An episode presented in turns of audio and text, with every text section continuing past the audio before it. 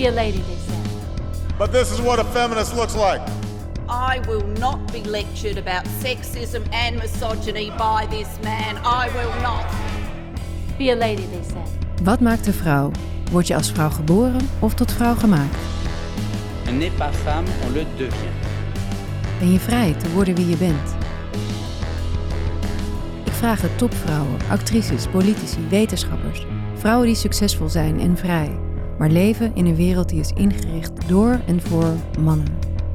Be a lady, they said. That word feminist is so heavy with baggage. Een wereld waarin het feminisme nog altijd nodig is. Welkom bij Wolf. Ik ben Maartje Laterveer.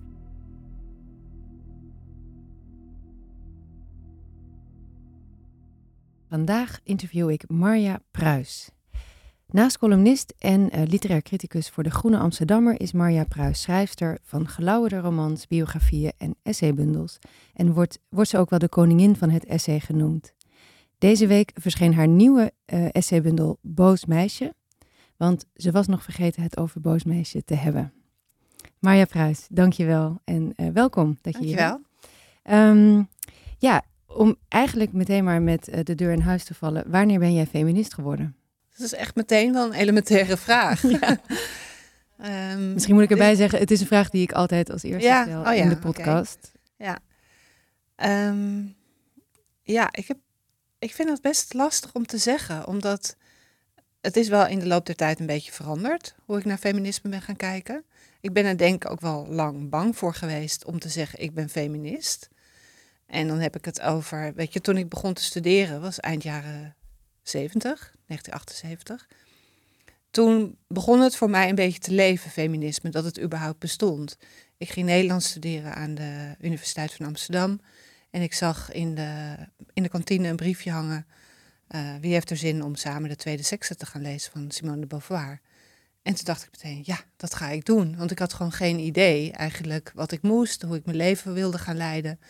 En eh, toen kwam ik dus in een groepje terecht. En dat is zo'n bepalend iets geweest voor mij, voor me, de ontwikkeling in mijn denken. En eh, ontwikkeling in denken wie ik was. En dus ook nadenken over feminisme. En ik weet nog wel dat ik toen al dacht, als je zegt dat je feminist bent, beperk je jezelf dan niet te veel. En dat is wel iets, een soort rode draad die ik eigenlijk altijd wel in mijn leven heb gehad. Dat ik dacht van, definieer ik mezelf dan niet al te zeer? Alsof je een soort ideologie omarmt, die dan je denken ook helemaal bepaalt. En tegelijkertijd, toen, in de jaren tachtig, was feminisme weer iets anders dan het nu is. Toen was het heel strijdbaar. Ik zat in allerlei actiegroepen. En eh, het was heel radicaal op een of andere manier. Het was ook best wel anti-man. Mhm. En eh, het was ook echt een enorme ontdekking om het gewoon alleen met vrouwen leuk te hebben. Ik vond het heerlijk. Het was echt een warm bad. Dus eh, vooral bijvoorbeeld het Vrouwenfestival in de Melkweg. Mhm. Kijken naar vrouwenbands, vrouwenfilms, vrouwenboekhandel, vrouwenuitgeverij. Ik, ik tapte bier in het vrouwencafé. Dus ik ging daar helemaal in op. En tegelijkertijd toch die moeite met die ideologie.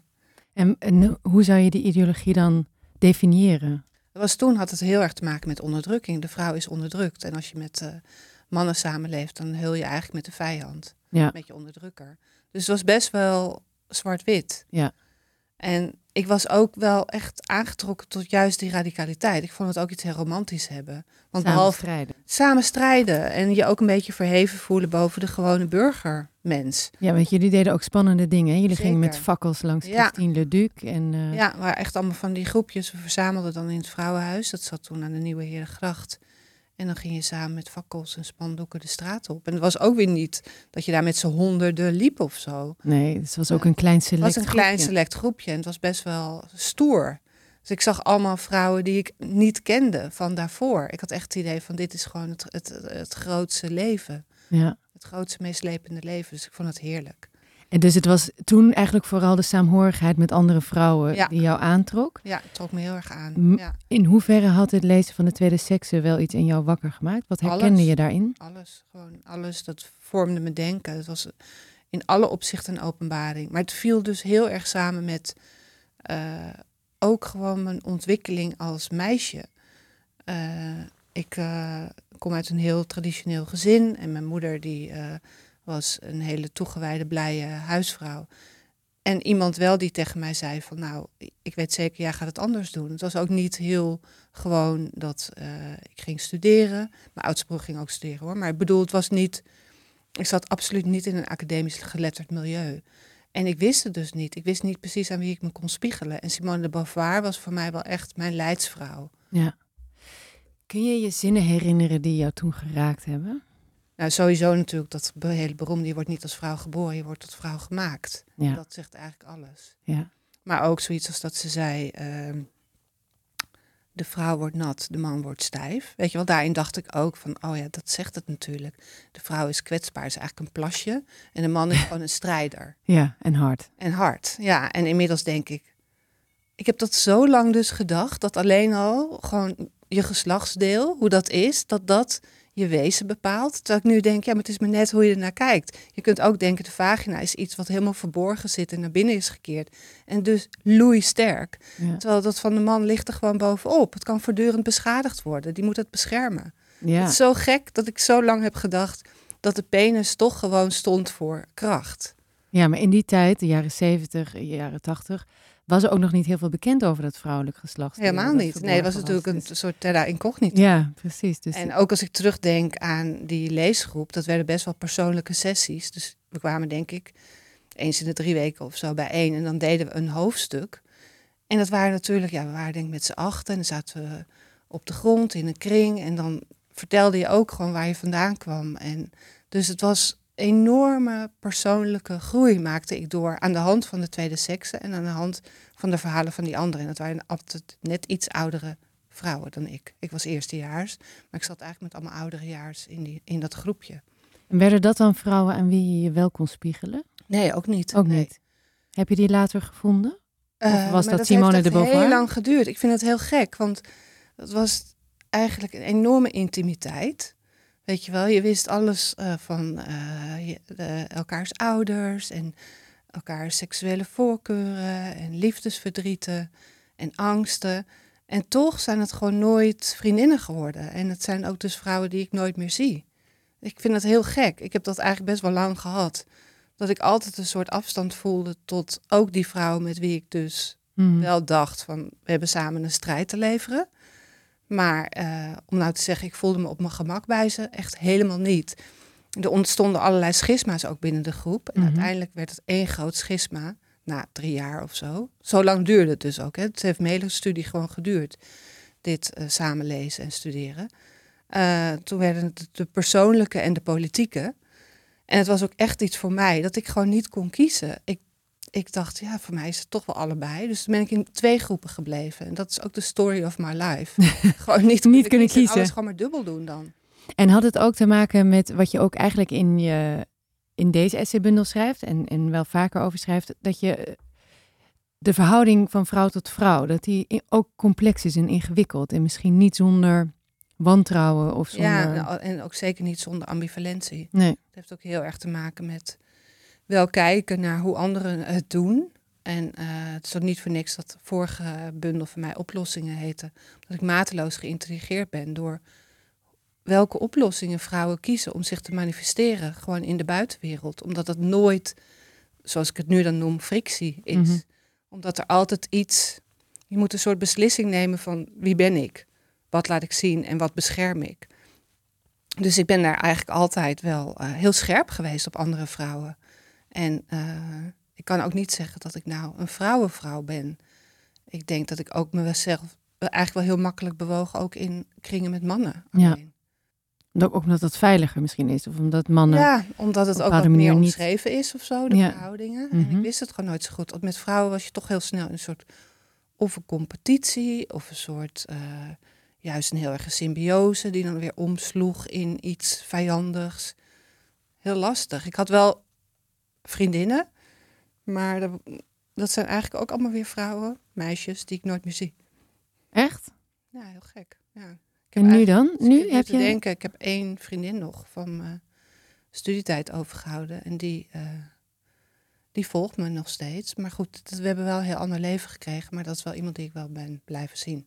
En heb je nu wel, je schrijft in je, in, je- in je boek wel ook, haal je vriendinnen aan. Het lijkt alsof je nu veel vriendinnen hebt. Is dat dan nu veranderd? Ehm, Ja, misschien ben ik wel wat ontspannender geworden ook. Ten aanzien van andere vrouwen wat meer mededogen. Ik heb denk ik ook wel veel meer vrouwen ontmoet bij wie ik me wel thuis voel. Maar dat heeft best wel lang geduurd.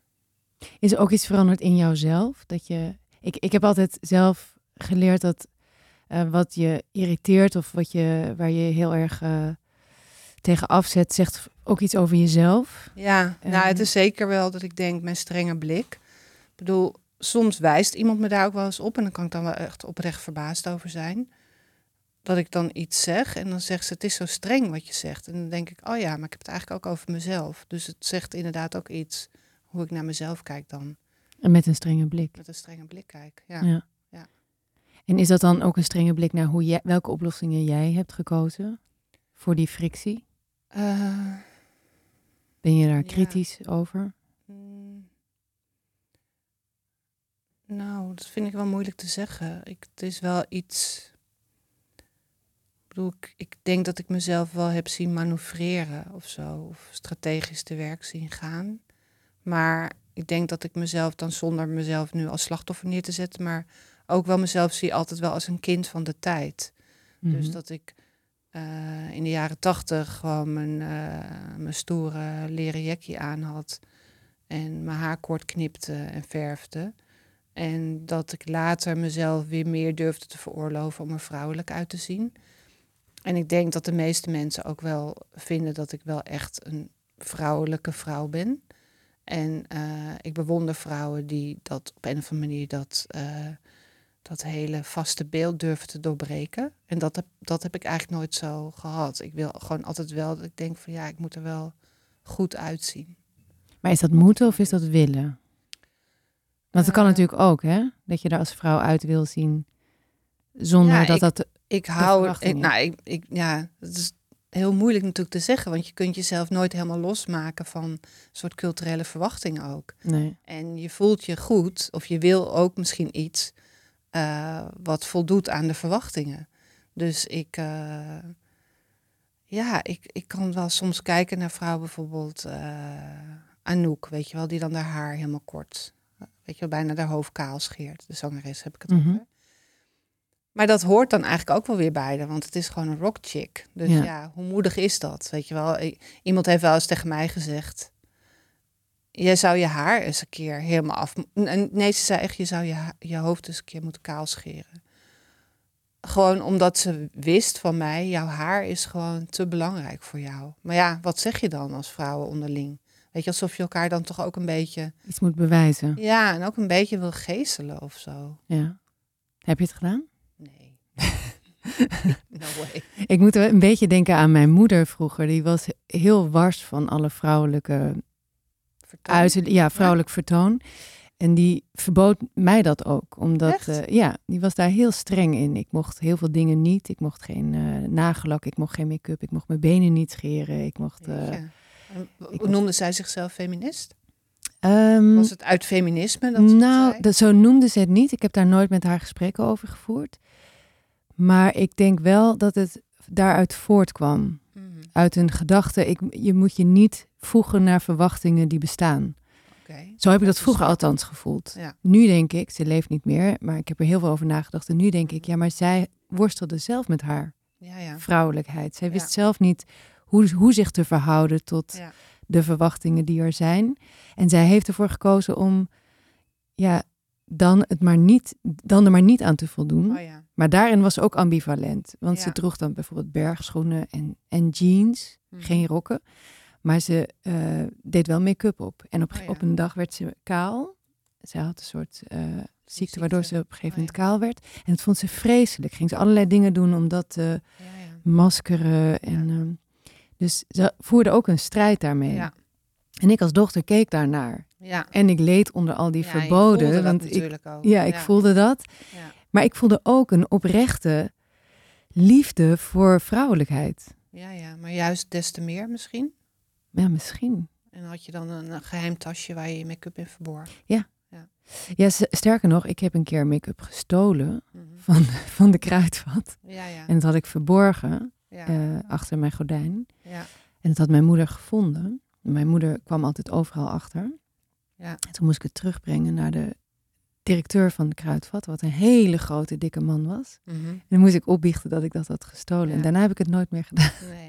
En heb ik ook heel lang geen make-up gedragen. Ja, ja, ja, maar wat rigide, wat naar eigenlijk. Als je... Ja, maar ik moest eraan denken omdat Ja. eigenlijk ehm, jij ook zo mooi beschreef, eh, ook in je boek, maar ook net eh, in, in woorden, dat het zo, het is niet evident hoe je als vrouw verhoudt tot de toch strenge verwachtingen die Ja. er zijn. Ja. En zelfs als je je er tegen afzet, ben je bezig met die verwachtingen. Ja, zeker. En ben je Ja. niet vrij. Mijn moeder Nee. was niet vrij. Nee, nee. Nee, en ik denk ook als ik terugdenk aan die eerste feministische groepen waar ik in zat, had je ook elkaar wel echt in de gaten. Weet je wel, Ja. wist je precies van, oh ja. Nee, nee, nee, we zagen er niet allemaal hetzelfde uit, maar ik denk wel dat we allemaal een soort van nonchalance nastreefden in ons uiterlijk. En dat was eigenlijk ook best wel voorgeschreven natuurlijk. Ja, en dan keek je dus ook met een oordelende blik naar Ja. elkaar. Ja. En naar jezelf. Ja, ja. hey, ik vind dat wel interessant, want eh, dat feminisme van de jaren 80 hebben we het ja. dan over. Ja. Klinkt echt super spannend Ja. en cool en, en radicaal inderdaad. Eh, we zijn nu een paar decennia verder. Nu is er weer een feministische ja, golf of Mhm. eh, strijd Ja. eh, aan het oplaaien. Hoe zou jij die verschillen duiden? Eh, ik denk dat het toen wel heel erg een, een strijd was voor een bepaalde groep. Dat Mhm. het misschien ook wel. Ik zat natuurlijk ook letterlijk in een academisch groepje. Maar ik denk dat het ook wel echt. Nu met terugwerkende kracht, denk ik, dat het misschien best wel elitair was. Mhm. Terwijl er wel ook heel erg het verlangen in zat van we moeten de arbeidersvrouwen verheffen. En we moeten ook zorgen dat eh, Turkse vrouwen leren fietsen bijvoorbeeld. Weet je wel, er waren heel Mhm. veel vrouwen actief in buurthuizen. Mhm. Juist om vrouwen uit een beetje achtergestelde wijken ook eh, in praatgroepen te krijgen. Praatgroepencultuur kwam toen heel erg op. Dus dat was allemaal eh, ja, vrouwen die geen opleiding hadden gehad, om die bijvoorbeeld eh, nog weer bij te spijkeren. Of eh, vrouwen in de overgang die bij elkaar kwamen. Weet je, dingen allemaal die voor het eerst werden benoemd. Mhm. Dus het had wel, er zat wel heel, zeg, ja, hoe moet je dat noemen, een sociaal ideaal aan. Maar de groep zelf was natuurlijk best wel eh, elitair. Of ja, mondige vrouwen die studeerden. En ik denk dat dat, ik, als ik nu, het, vers- het eerste verschil zou toch zijn dat het nu veel wijdverbreider is. Mhm. En eh, het was toen heel erg anti-burgerlijk, anti-maatschappelijk. En nu is het gewoon veel meer doorgecijpeld in allerlei regionen van de maatschappij. Het is normaler geworden. Weet je wel, feminisme aan zich is niet meer een, een woord waar je van schrikt. Nee. Dus het is nu bijna, als je als vrouw zegt ik ben geen feminist, dan zou je eerder denken van wat is er met jou aan de hand? Ja, nu hoef je niet meer bang te zijn om. eh, Nee, terwijl toen, als je zei van ik ben feminist, had je ook kunnen zeggen ik ben marxist. Ja. Weet je wel, niet dat het hetzelfde was, maar je sprak je op een hele politieke manier uit. Ja. En dus de, er was ook best wel veel aversie tegen. En dan zat je in een bepaalde groep. En nu denk ik, nee, het is veel algemener. Terwijl heel veel onderwerpen die er toen waren, bijvoorbeeld eh, eh, hoe moet je moeder zijn, eh, seksueel geweld, eh, verkrachting. Al die, die thema's, die, komen, die zijn er nog steeds. Ja. Weet je, wel, of onveiligheid op straat. Dat Ja. vind ik echt ongelooflijk. Maar ik betrap me er zelf dus op dat als ik opeens bij een talkshow vrouwen hoor vertellen van ja, het is toch idioot. Je kan niet zomaar op straat lopen. Je moet altijd je sleutels bij de hand houden. Je moet een pepperspray in je tas doen. Ik denk van ja, he, he. Eh, weet je wel, eh, anno 2022, eh, waar heb jij gezeten? Weet je, alsof het voor mij een soort herhaling van zetten is. Ja, ik kan me voorstellen dat je daar ook een beetje moe van wordt. Ja, maar tegelijkertijd denk ik allemaal weer... wel een keer ja, gehoord, jongens. ja, dan, maar ik vind het heel vervelend om mezelf daarop te betrappen. Omdat ik dan denk van ja, maar dit is dus wel waar het om gaat. En blijkbaar is feminisme... Kijk, ik kan ook bij wijze van spreken nog iedere keer nadenken van... Oh ja, wat is het ook weer feminisme? Wat is het nu voor mij? Denk ik, ja, iedere generatie moet het echt opnieuw ook weer ontdekken wat het is. Het is niet... Ja. En dat is ook het aantrekkelijke eraan. Zie jij verschil tussen de generaties? In, Eh. in hoe, ze, hoe ze de strijd voeren of, of wat, wat ze als prioriteit zien? Of hoe ze naar mannen kijken. Nou, ik denk al echt dat de hele MeToo-beweging, dus in 2017 dat die zo'n beetje begon, dat dat, nou, zo niet alles, maar heel veel heeft veranderd voor feminisme. En ook voor het idee dat er zoiets zou kunnen bestaan als solidariteit tussen vrouwen. En dat is ook het andere grote verschil, denk ik, met feminisme toen. Uh, het was heel erg van je dacht toen in een bepaalde denkrichting. En je kon bij wijze van spreken andere vrouwen gewoon in de weg zitten. Er was heel veel jaloezie, heel veel competitie. Vrouwen hielpen elkaar niet per se verder. En dat was ook een van de dingen die Simone de Beauvoir ook heel duidelijk beschrijft in de tweede sekse. Best wel pessimistisch ook is over de mogelijkheid van echt een vrouwelijke revolutie. Dat kan niet, zegt ze. Vrouwen zijn niet solidair met elkaar. Vrouwen zijn te zeer verbonden met mannen om ooit gewoon samen iets te kunnen bewerkstelligen. Terwijl ik nu denk, de solidariteit tussen vrouwen is veel en veel groter en vanzelfsprekender geworden. Ja. Ik vind vrouwen nu gewoon veel en veel aardiger voor elkaar. Ja. Nu is er ook onderzoek waaruit, uh, waar, waarin naar redenen wordt gezocht waarom ze dat vroeger niet waren. Hè? De, uh, Naomi Ellemers bijvoorbeeld heeft onderzoek gedaan naar het Queen Bee effect. En de conclusie was dat vrouwen elkaar naar het leven staan, heeft zo gezegd, omdat er maar één plek aan tafel is. Ja, en als tuurlijk. er maar één plek is, dan, Ja. dan ga je Ja. die niet afstaan aan iemand anders. Ja. En nu zouden dan, zijn er meer plekken. Dus dat zou misschien... Zeker. eh, Ja, voor mij het, het makkelijkste om dat te zien is aan de hand van de literatuur. Ik studeerde Nederlands. En ik weet nog dat in mijn eerste jaar dat er een paar waren in mijn groepje die zeiden: Oh, we gaan de schaamte voorbij van Anje Meulenbelt bestuderen. mhm. Diep in mijn hart wist ik, ja, maar dat is geen literatuur. Weet je wel, ik was heel erg doordrongen van wat, wat echte literatuur Ja. was en wat niet. En ik Ja. dacht, ja, maar dat is een vrouwenboek. Tegelijkertijd was ik er wel toe, aan, voelde ik me ertoe aangetrokken. Dus die ambivalentie, die voelde ik heel erg. En je ziet die ambivalentie ook terug.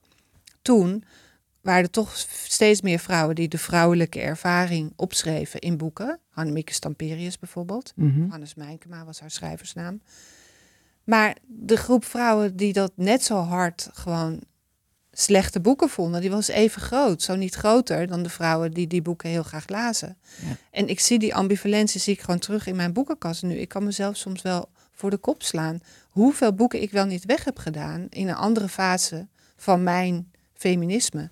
Dat ik dacht van, ik moet gewoon af van al die vrouwenboeken. Echt? En het werd, ja, en het werd ook wel. Ik, ik, mijn hele studietijd zat ik in een werkgroep 18e eeuwse letterkunde. Dacht ik, ik ga kijken naar de schrijfsters. Want het voor de hand liggende was altijd, weet, weet ik veel, Pieter Langendijk. Het waren gewoon een paar van de iconen, die bestudeerde je. En ik dacht van ja, maar de brievenroman kwam op en was een beetje vrouwelijk genre. Was ik in geïnteresseerd. Dus ik was altijd een beetje, je zou kunnen zeggen, in de marge bezig. En, maar daardoor ook altijd wel een beetje veilig. Het was klein, weet je wel. Dus eh, er waren ook heel veel mensen die zeiden van... hou er toch eens een keer mee op met die vrouwentroep. En dat stemmetje zat ook altijd wel in mijn hoofd. Dat zou er nu ook nooit meer zijn. Het is een veel gelegitimeerder iets geworden... om te kijken naar vrouwelijke kunstenaressen en schrijfsters. Terwijl toen was het toch... eh, ja, het was een, een... Nou, ik kan niet eens zeggen een niche. Het was een, een hoekje. Het was een ander... Het was, ja, Ja.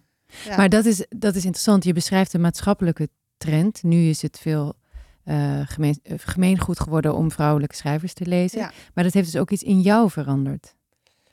Ja, maar toch niet helemaal. Want ik moet zeggen, als je het dan hebt over, eh, of als je vraagt van word je niet moe als je dan vrouwen, weet je wel, weer over die thema's hoort praten. Dat heb ik dus ook met, er is nu een heel mooi initiatief, dat heet Fix Dit. Weet Mhm. je wel, waarin dan vrouwelijke auteurs worden herontdekt. Mhm. Ik denk, oh mijn god, daar gaan we weer. We schieten gewoon nooit wat op. Ik heb die vrouwen in de jaren Ja. tachtig ook al herontdekt. Ja. Anne Blaman, Meridorna, eh Josefa Mendels, hoe heten ze allemaal? En ik heb ze allemaal weggedaan. Ja, ja. Je schrijft in, eh, in Boos Meisje, we komen er straks nog even op, maar ik wilde er toch even nu al aan refereren. Schrijf je heel mooi over je eigen eh, ja, haat-liefdeverhouding eigenlijk met vrouwelijke schrijvers. En Ja. ook eh, hoe moeilijk je het vindt om eh, zelf als vrouw te schrijven, omdat je al snel wordt weggezet als iemand Ja. die over vrouwen dingen schrijft. Of, schrijft. Ja, en dat het woord ik daarin ook erg eh, ingewikkeld is. Ehm, nu haal je schrijvers aan, Deborah Levy bijvoorbeeld Mhm. en Rachel Cusk, die Mhm. nu best wel grote namen zijn en ja. heel erg over ik schrijven, heel autobiografisch. Mhm. Hoe zou je, wat vind jij van hun? Lees jij hen nu graag? Want Het mooie aan jouw essays is altijd dat je nooit heel ferm een mening zet. Dus je kan het er niet, Nee. kan het er niet uithalen. Nou, Vind je ze nou goed of niet? Ja, Rachel Kusk is wel echt, gewoon die staat heel hoog voor Ja, mij. Dat is ja. echt een ongelooflijk goede schrijfster. Heel boeiend. Dus van haar zou ik altijd alles meteen lezen. Deborah Levy vind ik weer een ander geval. Die vind ik dan eigenlijk net even iets te dagelijks. Mhm. Terwijl ik het wel mooi vind wat ze doet. Maar ik betrap me soms op de gedachte, een beetje een wantrouwen, dat ik denk van, hm, ik weet het niet. Het lukt je niet helemaal om een roman te schrijven. En dus zoek je het nu in je persoonlijke ervaringen te boek eh, stellen. En je hebt geluk dat de tijdsgeest met jou is. Want dat is zo, hè? De tijdgeest schrijf je ook eens Ja. heel erg mee met vrouwelijke schrijvers die Ja, een soort autofictie schrijven. Ja, ja. Ja. Dat is echt nu, dat heeft zo'n hoge vlucht genomen. Ik ben er gek op. En maar- hoe, maar hoe heeft dat jouw ontwikkeling als schrijver beïnvloed? Ehm, ja, het heeft me wel. Ik ben altijd wel na, aan, na aan het denken over het ik, het inzetten van het ik, wat het dan is. En dat is wel tekenend voor ook hoe ik eh, de schrijvende wereld ben binnengekomen. Ook met een boek waarin ik dacht van ik zet het ik gewoon heel strategisch in. En dat ik is me enorm eh, nagedragen. Want je hebt het over de biografie. Ja, over, over ja. Nettie Nijhoff. Ja. Eh, de Nijhoffs of de gevolgen van een huwelijk. En dat is op een of andere manier is dat heel verkeerd gevallen. Terwijl ik me Want wel er stond al... een recensie in de Volkskrant Ja, die, eh, ja, die je niet durf- durfde te lezen. Nee, nee, ik durf het nu bijna niet meer over te hebben, omdat ik denk, oh, eh, ik heb het al wel helemaal nu opgeschreven, verwerkt, weet je wel. Ik denk ook, Het is koe- voltooid die verleden. koe, laat die koe maar gewoon liggen in die sloot. Maar het is wel bepalend. Maar het is heel bepalend geweest, zeker. En ik was ook juist wel in de groene al aan het oefenen met mijn stem. Gewoon met het schrijven over anderen, over literatuur. En dat was echt heel belangrijk ook voor mij. En ik was juist ook aan het oefenen met dat ik. Wie ben ik? Ja, En het ik, dat is ook het gekke, het verschil tussen het mannelijke en het vrouwelijke ik. Het mannelijke ik is een enorm autoritair ik. Maar het vrouwelijke ik is een ik van let niet op mij, ik ben het maar. Terwijl, ja, en dat is zo'n enorm verschil. Dus ik, weet je voordat ik me daar nou echt van bewust werd, was ik dat ook aan het eh, uitzoeken. En heb jij daarin een evolutie doorgemaakt? Heb jij nu een andere ik als je schrijft dan toen jij... Ik denk het Die wel. van ja, ik denk het wel. Ik denk dat ik van de weeromstuit heel persoonlijk ging schrijven. Eigenlijk ook om mezelf te tarten of om de grenzen op te zoeken. Zo van tot wanneer pikken mensen het nog? Mhm. Nou, en die ontvangst van nou was natuurlijk een nachtmerrie. Ja. Zo van, oh, nu kreeg ik het helemaal in mijn gezicht terug. Toen moest ik weer opkrabbelen. En eh, ik heb van die fases gehad, ik dacht, ik ga ieder ik vermijden. Als ik nu eh, college geef, wat ik soms doe als gastdocent, kritieken schrijven, dan is toch mijn advies aan beginnende schrijvers, probeer eerst zonder ik te schrijven. Want het ik heeft natuurlijk nogal een vlucht genomen. Ja. Niet altijd ten goede. Nee, zeker niet voor vrouwen. Nee. Omdat je, hè, veel vrouwen worden dan toch nog steeds weggezet Ja. als... eh, Ja, en ik vind ook dat je moet oefenen met... eh, je moet ook wel een soort van proberen om te extrapoleren, weet je, of boven jezelf uitstijgen. Blijf ook niet gewoon te klein denken bij jezelf. Maar kan het ik niet ook een vehikel zijn naar boven? Zeker, zoals, zeker. hè, ja. persoonlijke politiek is, kun je, Ja. kun je toch ja, maar, persoonlijke verhalen gebruiken? ja, maar ik merk wel, ja, maar de neiging is, denk ik ook, misschien ook omdat het makkelijker is, om te blijven bij je eigen dagelijkse ik en te denken dat het voldoende is om dat te doen. Terwijl ik denk Dat is wat Deborah Levy doet. Ja, een beetje wel. Ja. ja. Dus je, je moet het functioneel inzetten om Ja. iets groters te Ja. vertellen. Maar dat grotere moet je wel. Ja, vertellen, en ik, vind dat je dat ook heel mooi ziet bij eh, Rachel Cusk. Dat zij in die contouren-trilogie weer op een andere manier zichzelf inzet. Eigenlijk van zichzelf een soort camera maakt. En juist dat ik weer eruit weghaalt. Ja, want ze beschrijft eh, hoe ze toch naar haar scheiding gaat reizen. Ja, ze gaat reizen en dan Maar ze beschrijft ook de mensen die ze tegenkomt. hè? alsof Ja. zij eigenlijk pas contouren krijgt via de blik van de de ander. Dat vind ik ook eh, overigens dat Boos Meisje heel erg als centrale thema heeft. Misschien heb ik dat helemaal verkeerd gelezen, maar ik voelde heel erg, dit gaat heel erg over het ik ten opzichte van het collectief. Mhm. Dit individu binnen een groep en hoe verhoud je je daartoe? Ja. Ehm, is dat voor een vrouw anders dan voor een man? Hmm, weet ik niet zo goed. Het is wel, denk ik, zo. Ik ben nu toevallig eh, een stuk aan het schrijven voor De Groene over moederschap. Aan de hand van een paar boeken die nu zijn verschenen. En toen dacht ik wel weer andermaal. Het is wel meer voorgeschreven misschien. Gewoon wat, hoe, hoe een vrouw is. En dat maakt eigenlijk je verhouding tot de wereld altijd wat lastiger misschien. Mhm. En eh, misschien ook wat, eh, ja, moet je het zeggen, alsof je al meer je oor moet laten hangen naar wat er van je wordt verwacht. Terwijl een man echt bij wijze van spreken, dus gewoon toch die ridder te paard kan zijn. En Maar- meer individueel durft te Ja. handelen. Ja. Tegelijkertijd denk ik dan ook, ehm, maar die man heeft hij veel andere keuze dan die ridder te paard zijn. En is dat ook niet een vorm van voor, voorgeschreven Ja, zeker. worden hoe je moet ook. zijn? Ja, En bij vrouwen hebben we het natuurlijk al heel veel erover gehad. ja. En bij ja mannen, en mannen nog moeten dat echt. nog allemaal ontdekken. Ja, En dat is misschien, eh, dat is nu wel de ontwikkeling, denk ik, die man, waar mannen ook weer in zitten. Van moet ik toegeven van ik wil eigenlijk misschien niet op dat paard zitten. ja. Ja. Ik wil ook geen ridder zijn. Lijkt me dodelijk vermoeiend. ja, ja. Hey, maar heel eventjes over Boos Meisje. Want ik vind die titel... Ja, ik heb het boek hier voor me liggen. Het heeft ook een hele krachtige eh, een foto op de, op de omslag. En eh, de titel is eh, Boos Meisje. En eh, ik vond het zo mooi wat je eh, daarover schrijft... dat ik dat eventjes wil Oké, voorlezen. ja. Ik was nog vergeten om het over Boos Meisje te hebben. Boos Meisje laat zich niet paaien. Boos Meisje doet iets met haar wenkbrauwen dat nog niemand beschreven heeft. Denkt er het haren van. Maar wat dat is? Maakt aantekeningen, maar ik ben bang voor wat ze noteert. Ook zoiets. Boos meisje glimlacht niet beleefd. Neemt niet je jas aan, parkeert achteruit in zonder in de spiegel te kijken. Dat Ja. is eigenlijk alles. Ja, dat is een soort... eh, perfecte definitie van ja. boos meisje. Van waar, waarom ehm, wilde je het nu over boos meisje hebben? En waar staat Ja. zij voor voor jou? ja, boos meisje is wel het meisje wat ik denk ik eh, in me meedraag. Of wat er altijd is, tot wie ik me aangetrokken voel. En dat is zowel denk ik een, een innerlijk iets als ook gewoon in de dagelijkse realiteit. Zie ik de boze meisjes en hou ik van de boze meisjes. En weet ik tegelijkertijd van, oh ja, daar kan ik niet aan tippen. Eh, zo zou ik nooit durven zijn. En ik weet ook van het is altijd gewoon in mij is het een soort een, klein eh, ja hoe moet ik het zeggen? Een soort vlammetje of zo. Iets iets wat wel in mij leeft en eh, wat ik soms ook wel kan aanraken. Maar wat niet iemand is die nou direct aan het oppervlak ligt voor mij. In ieder geval niet voor mij persoonlijk. Maar ik herken ze dus. En ik kan me ook dat zit ook wel in dit stukje ik kan me ook door ze van de wijs laten brengen Mhm. en er zijn misschien wel steeds meer jonge vrouwen die wel het boze meisje zijn. Dus ik heb ook wel eens dat ik in, eh, op, opeens op een podium in debat ben met een andere generatie feministen. En dat ik me doodschrik als iemand niet vriendelijk glimlacht, bijvoorbeeld. Ja. Terwijl tegelijkertijd, ik kan net zo hard denken, oh wat een, wat een opluchting. Niet iedereen hoeft altijd maar gewoon zo voorkomend te zijn. En waarom is dat een opluchting? Dan hoef jij het ook niet te zijn. Nou, ik, ik denk dat ik niet, niet glimlachend door het leven kan gaan. Dat zit gewoon niet in mijn systeem. En of dat nou socialisatie is of karakter, dat weet ik niet. Maar eh, ik vind het voor andere vrouwen wel bevrijdend als zij. En dan ligt het voor mij gewoon in dezelfde lijn als het woord durven nemen, het woord durven houden. En ook dat niet glimlachen en gewoon laten zien wat je weet. En eh, anderen eh, durven te interrumperen zoals ze jou interrumperen. Weet je, dat hele gedrag, zeg maar het niet stereotyp vrouwelijke gedrag vertonen, daar ben ik altijd vol bewondering.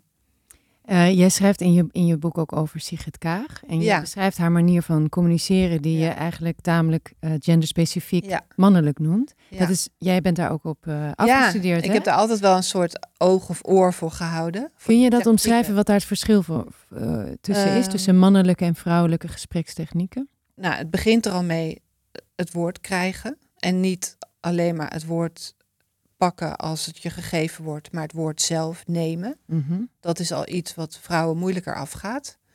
En eh, dan zijn er allemaal tactieken om aan het woord te blijven. En die beheerst Kaag dus ook goed. Mhm. Dat heet dan eh, het Wormstad-syndroom. Dat is gewoon zeggen al bij voorbaat van... ik heb hier drie dingen over te zeggen. dan durft bijna niemand meer ja, na die tweede te zeggen... oh nou, laat maar zitten, die Nee. derde. Nee, Nee. En ook gewoon, dat doet Kaag ook heel vaak... laat me deze even afmaken. ja. En ehm, als jij daarnaar kijkt, je zei al, ja, een boos meisje kan ik niet tippen. Is dat iets waar jij niet aan kan tippen? Ja, dat kan ik niet. Nee, dat vind ik heel eh, lastig. Sowieso lang het woord voeren vind ik moeilijk. Ik, ik sta er altijd verbaasd van in de redactievergadering bij De Groene.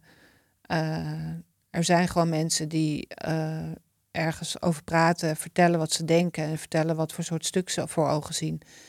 En ik zit het in mijn hoofd al helemaal te bedenken van, oh ja, ik, ik zou wel dit willen. En maar dan uiteindelijk zit ik er zo lang over na te denken dat ik het dan in één zin uiteindelijk zeg.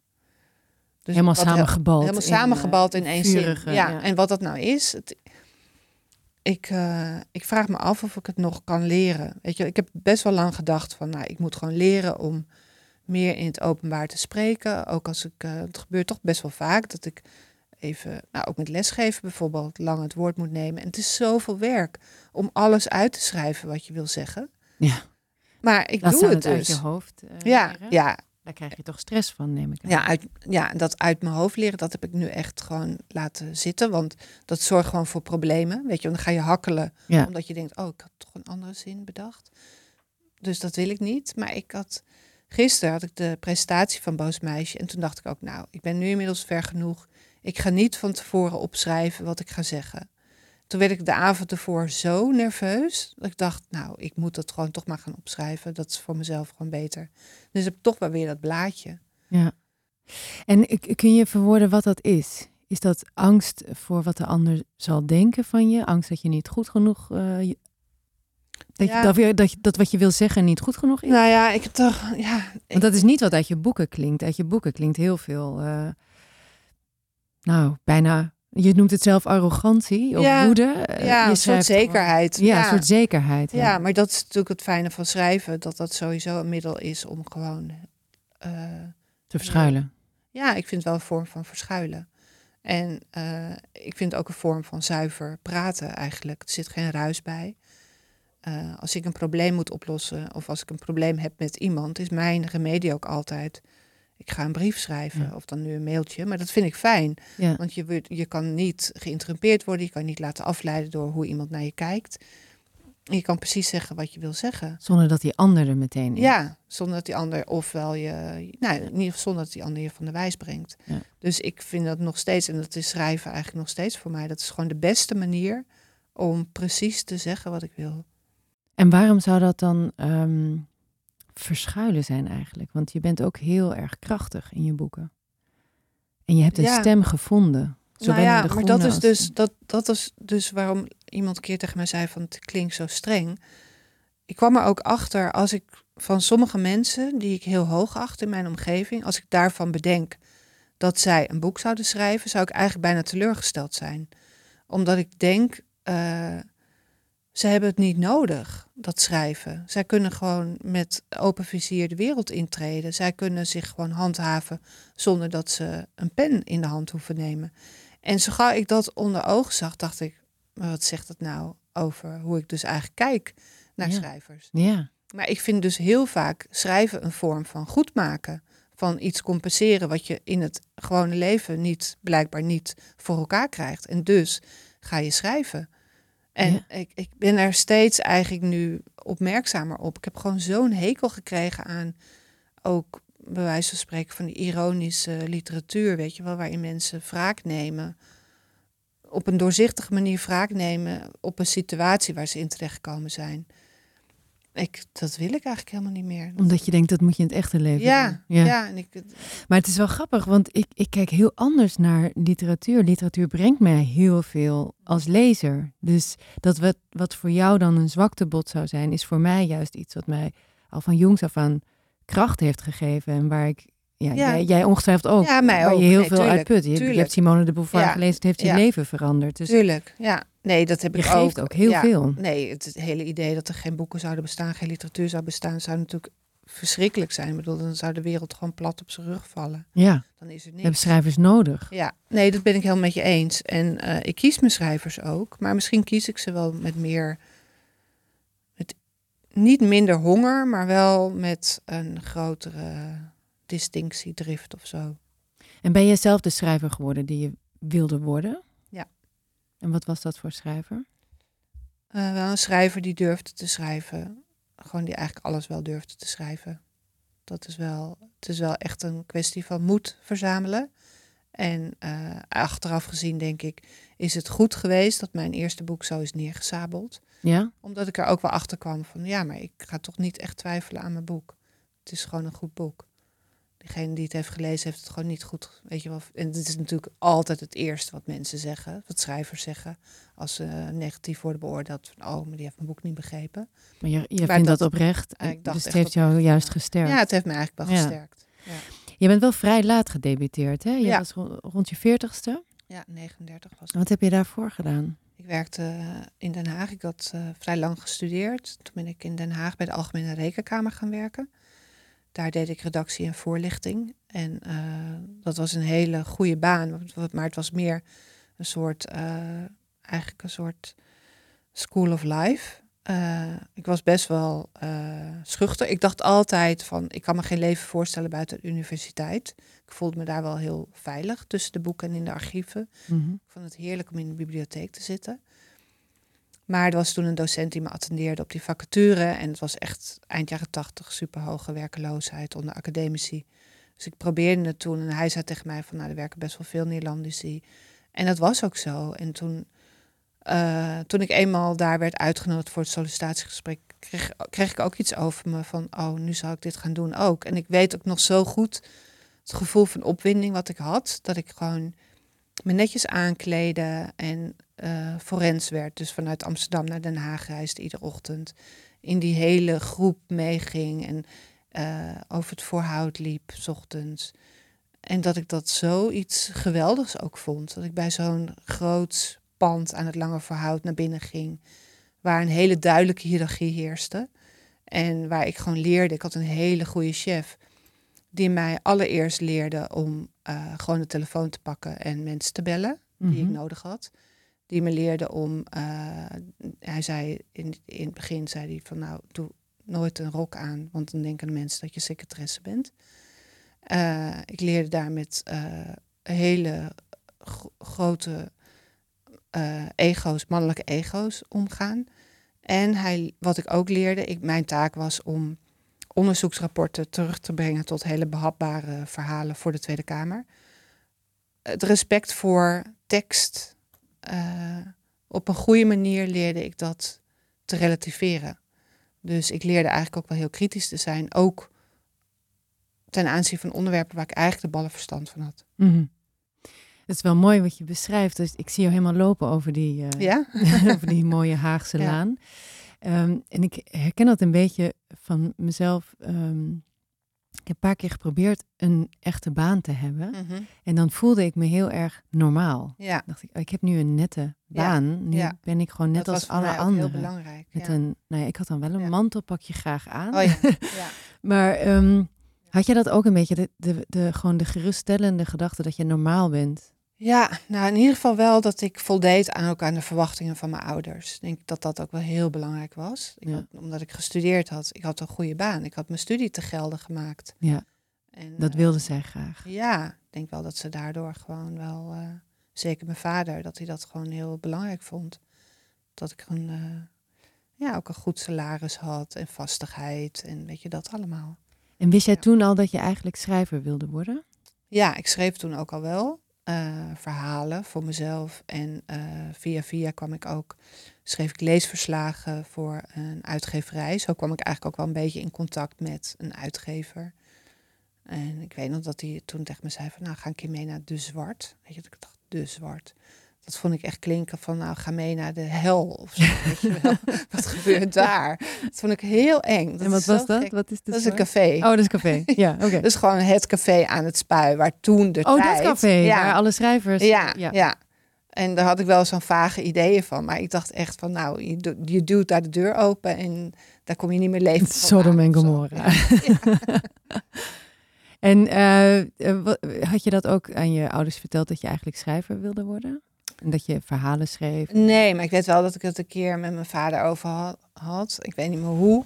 Nee, ik had het er helemaal niet met hun over. Dat was toch wel iets, een beetje iets ja, stiekem. Dat is ook weer een gek woord. Maar dat was wel gewoon iets van mezelf. En dat mijn vader dus zoiets zei van... eh, ja, maar als je schrijver had willen worden, had je toch al een boek gehad? Of dan had je al geschreven. En toen dacht ik ook, oh ja, dat vond ik ook meteen heel aanstellerig van mezelf. Dus hij bevestigde me van, oh, wat denk je nou? Dus het duurde allemaal zo lang. Ja, Tot wanneer? Wa- wa- wanneer kwam het moment dat je dacht, nee, nu ga ik deze nette baan aan de wil gaan hangen en, ja en dus mijn droom dat is toch gewoon eigenlijk heel eh, plat gezegd toen mijn vader overleed. Toen kwam de weg vrij. Toen dacht ik, oh, ik heb meteen mijn baan opgezegd. Echt? Ja. Wauw. Ja. Wauw. Ja. en Ja. toen ben je de. Je gaan vrolijk erbij. Ja. Ja, je lacht vrolijk erbij. Maar dat, dus jouw vader heeft nooit geweten dat je schrijver Nee. bent geworden. En je moeder, wat vindt hij daarvan? Ja, die vond het. Die, mijn moeder is ook niet meer. Maar die, eh, ja, voor mijn moeder schaamde ik me gewoon helemaal niet. Die vond Nee? Het, nee, die vond het heel goed. En die, nee, die zei ook altijd van het past bij jou. Dus het was prima. Maar je hebt dus eigenlijk een groot deel van je volwassen leven wel geleefd naar de verwachtingen van anderen. Heel erg, ja. Ja. Ja, En hoe is dat nu? veel minder. Ja, ik voel me nu ook veel beter. Ja, veel vrijer kan ik me voorstellen. Maar dat is moeilijk, hè? Om, die, die, om je best te worstelen. Om echt vrij, ik bedoel, ik vind vrijheid ook best wel een lastig iets, want ik ben graag gebonden aan Mhm. mensen van wie ik hou. Dus het is altijd iets heel relatiefs, Ja. vind ik. Vrijheid, wat is vrijheid? Weet je wel, ik heb van alles en daar ben ik blij om. Ehm, maar ik heb wel het gevoel van, nu klopt het meer of zo, wat ik doe. Wie Ben je meer wie je bent? Ja. Ja, Ik vind vrijheid staat wel heel erg nauw in, eh, in relatie tot feminisme. Maar dat Ja. is een ander soort vrijheid misschien. Ja, vrijheid is toch wel weer algemener. Feminisme denk ik altijd als je zegt, als je het hebt over feminisme, dan ben je ook op weg ergens naartoe of zo. Weet je wel? Mhm. Ehm, vrijheid is wel meer existentieel. Als, als individu. Ja, Voor individuen, Ja. ja. ja. ja. en Dus, bij feminisme is het meer maatschappelijk. Een maatschappelijke ja, revolutie. ja, ik kan makkelijker zeggen ik ben feminist dan dat ik kan zeggen ik ben vrij. Ja. viel al een paar keer het woord schuchter. En ik Mhm. moest denken aan eh, iets wat je in een interview met de Volkskrant had gezegd. Mhm. ehm, over dat je vroeger zo verlegen was. Mhm. En dat je, ehm, ja, dat sprak ook al een beetje uit wat je net vertelde. Dat je ehm, met die feministen in aanraking kwam die Ja. allemaal zo, Ja. zo stoer waren. En ook Ja. wat je vertelde over dat boos meisje, dat je daar ja, nooit aan kan tippen. Mhm. Waar komt die schuchterheid vandaan eigenlijk? In, in, de, in de, het interview met de Volkskrant had je het over dat je als meisje van 13 onge- op je dertiende ongeveer ineens werd bekeken. Ja, dat heeft wel te maken met een soort bewustzijn van jezelf, denk ik. Dat je het gevoel hebt eh, dat mensen naar je kijken. Maar ik heb ook een keer gewoon voor mezelf eens uitgezocht essay geschreven over verlegenheid. Dat ik erachter kwam dat verlegenheid eigenlijk de andere kant van de medaille is. Van ook best wel een soort van megalomaan gevoel misschien over jezelf. Namelijk dat je ook denkt dat de hele wereld om jou draait. En dat je denkt dat de hele wereld jou ziet. Terwijl mensen zijn nooit op die manier met jou bezig zoals je met jezelf bezig bent. Mhm. En toen ik dat eenmaal had gedacht. Want het zijn best wel veel mensen hè, die zeggen dat ze verlegen zijn. Ja. En het zijn juist de mensen van wie je zelf zou denken van, nou, hoezo? Mhm. Eh, volgens mij zegt Anouk ook van zichzelf dat ze verlegen is. Ik bedoel, uiteindelijk denk ik, eh, zeker als je iets wil maken, of het nou een liedje is of een, eh, een boek of foto's, zoals Anton Corbijn is ook zo iemand die zegt dat hij verlegen is, dan verzin je misschien iets, nou ja, nogmaals krijgen we weer het woord verschuilen, dan verzin je een, een, een kunstje waar je je achter kunt verschuilen. Mhm. Mhm. En dat is wel een manier om je te manifesteren. Ja. Maar uiteindelijk is dat eigenlijk ook best een opvallende manier om je te manifesteren. En dat is natuurlijk een beetje vreemd, een beetje paradoxaal. ja, omdat je je, je, uit, je, je uit je naar een heel groot publiek. Ja, eigenlijk, naar Inderdaad. Ja, maar ik doe dus net alsof. Maar niet dus net kwetsbaar. nee, nou ja, weet ik niet. Ja, ik, ik, ik voel me eigenlijk ook altijd wel, ook gewoon in dit gesprek bijvoorbeeld. Ik heb niet een kant-en-klaar verhaal. En ik denk altijd, op een dag moet je misschien precies weten wat je wel en niet zegt over jezelf. Of, of weet je wat je kunt zeggen. En ik kan gewoon iedere keer toch wel weer verrast zijn door of een vraag van jou. Of eh, gewoon iets door wat ik zeg. Dat ik denk van ja, klopt dat wel? Mhm. Weet je, dus dan word ik toch daar weer een beetje ongemakkelijk van of zo. En of dat nou verlegenheid is, weet ik niet. Nou ja, je hebt niet de controle eh, die je hebt als je, Als je schrijft. schrijft, ja. Dan kun je erover nadenken en kun je schaven. Ja. Maar ik vind het juist ook wel heel mooi als je, als je die controle niet hebt en je zeg dan wat in je opkomt. Ja. Want we leven ook wel in een tijd waarin, je, waarin iedereen juist zo heel erg zo'n verhaal heeft, Ja. vind ik. Ja, Iedereen maar ik ben heeft ook wel bang voor het vaste verhaal. Want Ja, ik ook. ik, eh, ook dat met dat schrijven, dat heb ik nu denk ik wel, ik heb het denk ik ook wel eens een keer opgeschreven. En ik had het dus nu inderdaad in het Volkskrant interview had ik er iets over gezegd. En opeens is dat iets, weet je. Het Ja. lijkt het eigenlijk al bijna ding. alsof je eh, een fotoalbum openslaat en je ziet die foto en dan ken je het verhaal erbij. Maar je weet niet, heb ik dat nou echt meegemaakt of is Mhm. me dit nu verteld? Ja. Weet je, en opeens gaat het dan stollen. Terwijl ik ook heel fijn vind om gewoon eigenlijk mijn leven een soort van eh, groot raadsel te laten. Mhm.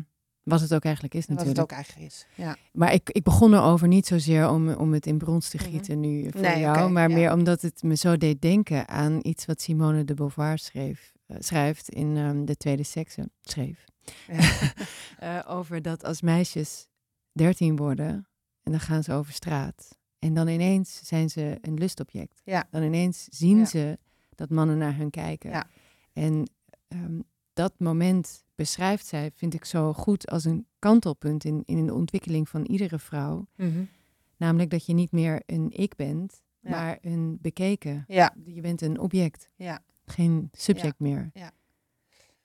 Ja, nee, dat Herken je herinner dat? Ja, heel erg. Ik herinner me allereerst de schok dat ik er gewoon was. Weet je wel, toen was ik denk ik zes of zeven.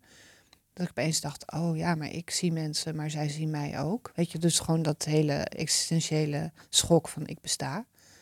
En dan daarna dit, dat ik opeens dacht, oh, ik heb iets bij Ja. me wat andere mensen graag willen. Of zo. Of ze willen bij mij in de buurt zijn, of ze willen me vastpakken. Ze willen dingen tegen me zeggen, louter op grond van mijn lichaam Ja. van mijn verschijning. En dat is eigenlijk ook een schok die je bijna niet te boven komt, volgens mij. Als vrouw, hè? Nee, nee. Nee. kom je niet te boven. Nee. Nee, dat is denk ik de schok die mijn moeder heeft vertaald in Ja. bergschoenen. Ja. En, en die Ja. ik heb vertaald in nou eetstoornissen en al die Een- dingen. Ja, het is eh, Super je- ingewikkeld. super ingewikkeld. En ik, eh, ik heb een keer een boek gemaakt over eh, vrouwen die boven de veer, die 40 worden. En toen zei een keer een vrouw tegen mij, ik was toen zelf 41 en die vrouw was 47. Nou, ik weet nog dat ik dacht, jeetje, 47. Nou, gelukkig ben ik dat nog niet. Weet je dat? Dat hele arrogante idee van, oh, nou, ik ben gelukkig nog niet zo ver. Hoe oud nooit kan je worden? gebeuren. Hoe oud kan je worden? 47. Maar dat zij ook tegen mij zei, eh, ze had een dochter die net eh 15 was of zo. Dat ze zei van ja, ik vind het grappig. Nu kijken de mannen naar mijn dochter en het is gewoon biologie. En toen dacht ik, nou, gewoon biologie. eh, ik ben gewoon heel leuk. Weet je wel, gewoon zo dacht ik nog steeds over mezelf. Dat ik het heel moeilijk vond om dat al, al- puur als los te laten. wetmatigheid te zien. Ja, Omdat want dat, je dat ook bij, ja. Tenminste, ik had dat, ik weet niet hoe het bij jou zat, maar dat gevoel van, oh, ik heb iets, ik ben speciaal, dat zat er ook nog bij. Maar dan ga je je dus als vrouw identificeren daarmee. Ja. Maar dat is vergankelijk. Dus Ja, maar schoonheid dat- is Ja, vergankelijk. maar dat weet je natuurlijk niet. Maar dat weet je niet. Nee. Nee. Maar dat is wel een beetje Maar een, ik zie eh, dat iedere keer bij mij. pitfall waar je dan invalt. Ja, ja. Ja, je had vandaag een mooie column in De Groene. Heb je hem gelezen? Ik heb hem gelezen over het, Ja. het, eh, de dochter van een ja, wat een vriend schok. Ja. die, die, eh, die je Ja. aankeek. Nee, misschien kun je Ja. het zelf vertellen. ja, dat was dus gewoon een meisje wat ik al mijn hele leven ken. Al vanaf baby af aan. En vakanties meegemaakt. En mooi meisje. En ik zag haar, ik had haar een tijdje niet gezien. Ik zei, hey, er is iets met je. En zij een beetje zo verlegen van, ja, nou ja, mijn beugel is eruit. Zei, nee, dat is het niet. En toen, eh, we hebben het niet eens, ik heb het niet eens durven benoemen, zij ook niet. Maar iemand anders zei toen daarna ook tegen me. En ik zag het gewoon, ze had gewoon van alles laten doen aan haar gezicht. Ja, je, noemde, je beschreef de volle lippen die bijna Ja. niet meer voluit konden lachen. Ja. En eh, de, de neus, platte- had ze, de neus, had ja. ze iets van recht laten zetten of weet je wel. En ze had ze botox dus in, de, in haar eh, voorhoofd. En ze had zo'n lachje, wat je gewoon, het typisch het lachje wat je ziet bij vrouwen die iets hebben laten doen aan hun gezicht. Wat is dat voor een lachje? Alsof ze een soort snavelbekje krijgen. ja. Weet je, het is niet, ja, een beetje dat. Maar Ja. het is dus niet, het heeft niks met je, alle jeugd is juist gewoon weg uit Ja. het gezicht. Ja, dat beschrijf je zo mooi. Je, je, je, het is eigenlijk heel droevig wat je schrijft. Ja, je moet afscheid nemen verdrietig. van haar. Ja, ik, moest, ik dacht echt van, ze is gewoon verdwenen. Het meisje wat ik kende is verdwenen. Ik had haar zo graag oud zien worden. Hoe sta jij zelf tegenover ouder worden? Je zei net al van ja, je moet het op een bepaalde manier, ja, die biologie, die wetmatigheid Die eh, moet je eigenlijk accepteren. Ja. Ja, Lukt dat bij jou? Maar soms, soms niet. Op het moment eh, denk ik eh, wel, maar ik denk dat ik, ja, het, het gekke is, ik had een, een, dus ook een vriendin die ik nooit meer zie, maar wel, die kon heel erg zeggen van, het is allemaal een fase. En wij konden al zo zeggen, oh ja, maar tussen je dertigste en je veertigste, dat is een dramatisch decennium. En toen werden we veertig, tussen je veertigste en je vijftigste, wat is dat iets ergs? Weet je wel? En 50, 60. En nu denk ik, oh, ik heb het allemaal gehad. En nu weet ik het even niet. Maar ik ben er eigenlijk heel rustig over. Ja? Ja, ja. Maar toch maar even, ik had gisteren ook nog eh, met jonge vrouwen over iets laten doen aan je gezicht. En ik vind het gewoon zo erg. Echt, dus even om alle twijfel weg te nemen. Echt, ik denk daar helemaal niet aan om iets te doen. Nee? Nee, nee. Jij wel? Ehm, ik heb een beetje ehm, moeite ermee. Ik vind het heel moeilijk. Ik ben nu 45 en ik merk dat ik ouder word. Ik zie het aan me. En ik, ik herinner me dat ik vijf jaar geleden stond ik op een eh, oudjaarsfeestje met een vriendin te praten die volgens mij zes- 46 was toen. En die vertelde aan mij dat ze, dat ze zoveel moeite had met het ouder worden ineens. Dat ze ineens eh, merkte dat ze, dat ze een buikje kreeg, dat ze, dat ze rimpels kreeg in de voorhoofd, dat het allemaal ja, wat begon te hangen.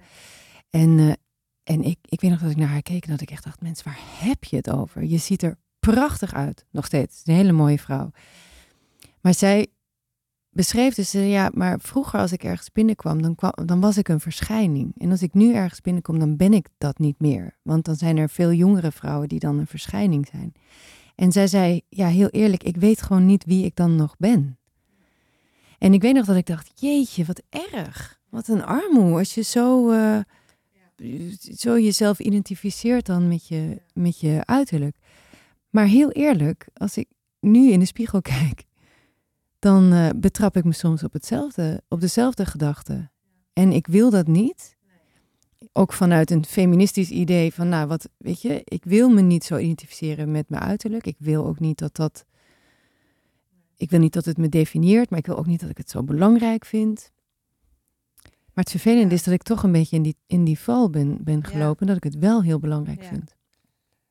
Ja, ik weet het niet zo goed. Ik, ik, eh, ik, voel, ik voelde, of voel me eigenlijk nog steeds heel erg gezien. Gewoon voor wie ik ben. Weet je wel, afgezien van of je nou een verschijning bent of niet. Ehm, ik heb me altijd wel, ook fysiek, altijd wel heel erg bevestigd gevoeld. Mhm. En eh, ik ben nooit heel dun, maar ook nooit heel dik geweest. En eh, het fluctueert soms een beetje. Maar ik heb me eigenlijk altijd heel fijn gevoeld in mijn lichaam. Mijn lichaam is wel echt mijn, mijn baken ook. Ik Mhm. kan heel erg ervan op aan. Dus daar ben ik eigenlijk ook zo blij mee altijd. Het doet gewoon wat het moet doen. Het is sterk en... eh, het klinkt nu heel heilig hoor, maar ik ben alleen maar daarover zo blij. Nou, dat vind ik juist Ja. heel mooi dat je dat zegt. Want ons lichaam is er allereerst natuurlijk om het te doen. En, en daar mogen, ik bedoel, ik prijs mezelf echt super gelukkig dat mijn lichaam doet en gezond is. Ja. Dat ik een kind heb kunnen baren. En Ja, een vriendin van me die is ongeneeslijk ziek. Mhm. Haar spieren verlammen steeds, steeds meer. Mijn moeder is ook overleden aan ALS. Dus haar lichaam heeft het gewoon echt laten afweten. Dat is afschuwelijk. Dus het voelt ook echt absurd en oppervlakkig om je druk te maken om zoiets als rimpels. En je lichaam te haten om de kwabben. Maar ik denk dat juist ook het bevestigd worden in je fysiek, dat dat ook juist ertoe kan leiden dat je je daaraan Ja, vastklampt. ja, Snap je wat ik bedoel? ja, ja, ja. ja. Dus Ja, heel fijn zo- dat jij dat niet hebt Nee, gehad. ik- Dan heb je toch iets anders gehad, waardoor jij ook bent gezien. Ja, dat denk ik. En ik, ik eh, de vrouwen die ik mooi vind, die zijn naar mijn gevoel ook heel erg met me meegegroeid. Ik, bedoel, Mhm. ik ga heel veel om met jongere vrouwen die ik prachtig vind. En ik zie ook dat jeugd heeft gewoon zijn eigen kwaliteit. En dat is gewoon eh, onvergelijkbaar aantrekkelijk. Maar tegelijkertijd kan ik vrouwen van mijn leeftijd of eromheen gewoon zo leuk vinden en mooi vinden en Mhm. aantrekkelijk. Ja, Dus ja, ja, snap ik. En, en wat ik uit je boek heel erg eh, proefde, was dat de aantrekkelijk, aantrekkelijkheid meer zit in, het, in een houding ja dan in nou of je rimpeloos voorhoofd zeker. hebt of niet. Het Ja, zit meer in de houding van boos meisje die Ja. denkt, fuck you. Ja, die denkt dat. En die eh, heeft gewoon een rechte rug of zo. Ja. En die loopt op de gemak. Dat vind ik ook heel fijn. Ja, en heel inspirerend. Ja. Want het mooie in jouw boek vind ik dat je dus wel de ambivalentie eh, heel eerlijk opschrijft. En je schrijft ook van ja, ik hou net zoveel van meisjes als dat ik ze haat. Ehm, en dat is hetzelfde wat je als lezer hebt. Ja, ja. Dus ik Ja. word er zelf ook mee geconfronteerd, maar het maakt me ook sterk. Ja, Omdat ik ook ergens een boos meisje heb dat Ja. denkt fuck you. ja. ja. mooi. Ja, dus dank daarvoor. Ja, heel graag gedaan. Nou ja, ik eh, kan alleen maar tegen iedereen zeggen, koop dat boek. Het is net uit, het ligt net in de winkel, Ja, toch? het ligt overal te koop. in de winkel. Yes. Super. Ja. Nou, dank daarvoor Heel en graag gedaan. dank voor je tijd.